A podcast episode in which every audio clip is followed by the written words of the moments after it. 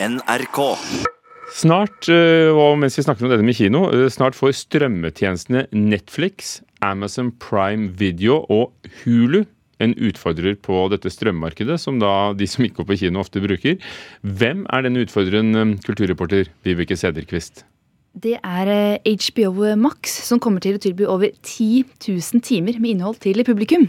Vi vet ikke helt når denne nye strømmetjenesten kommer til Norge, da, men i USA så kommer den i hvert fall i 2020. Det skriver Serienytt. Nå er jo HBO ikke en nyhet, men hva er det nye ved HBO Max? Hva er det de skal inneholde?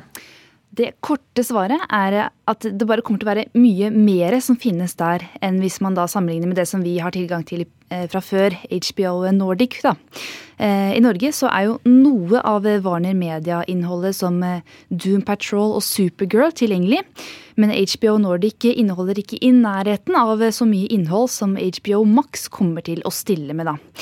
Det er verdens tredje største mediekonsern, Warner Media, da, som står bak denne nye investeringen. Og en serie som mange kanskje har fått med seg, som HBO Max kommer til å friste med, er jo The Fresh Prince of Bel-Air. Now this is a story all about how my life got flipped, turned upside down, and I'd like to take a minute, just sit right there. I'll tell you how I became the prince of a town called Bel Air. Og dermed får vel Netflix eh, hard konkurranse. Ja, det blir jo da en konkurranse om hvilke strømmetjenester som får vise hvilke serier, slik som Fresh Prince of Bel-Air. Og I tillegg så er både Disney og Apple på vei med helt nye strømmetjenester, de også. Så konkurransen den vil nok bare tilspisse seg med tiden. Artisten Nicki Minaj skulle stå på scenen i Saudi-Arabia 18.07. Here goes some haterade, get your thirst quenched. Style doing them in this Burberry trench. These birds copy every word, every inch. But gang gang got the hammer and the wrench. I pull up in that quarter million. Men slik ble det ikke. Hvorfor? Hei, altså Nicki Minaj hun valgte å trekke seg fra festivalen. Hun eh, var jo en av de største artistene faktisk som skulle spille på Jeddah World Feast i Saudi-Arabia.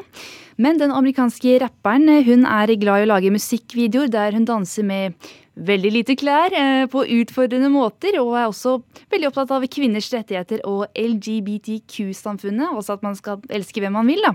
Og så friheten til å si hva hun mener. eh, Det er også viktig for henne. Så ytringsfrihet og eggende dans, og det forklarer kanskje hva som fikk henne til å avlyse konserten? Ja, altså Saudi-Arabia er jo et konservativt eh, land der det er kriminelt å være homofil, og flere steder så kan ikke kvinner og menn oppholde seg på samme sted. Så det var organisasjonen Human Rights Foundation som oppfordret rapperen til å trekke seg, noe Minaj tok til følge. Så artisten hun sa da at samtidig som hun ønsker å spille for sine fans, så valgte hun likevel å trekke seg etter å ha lest seg opp litt om landet, da.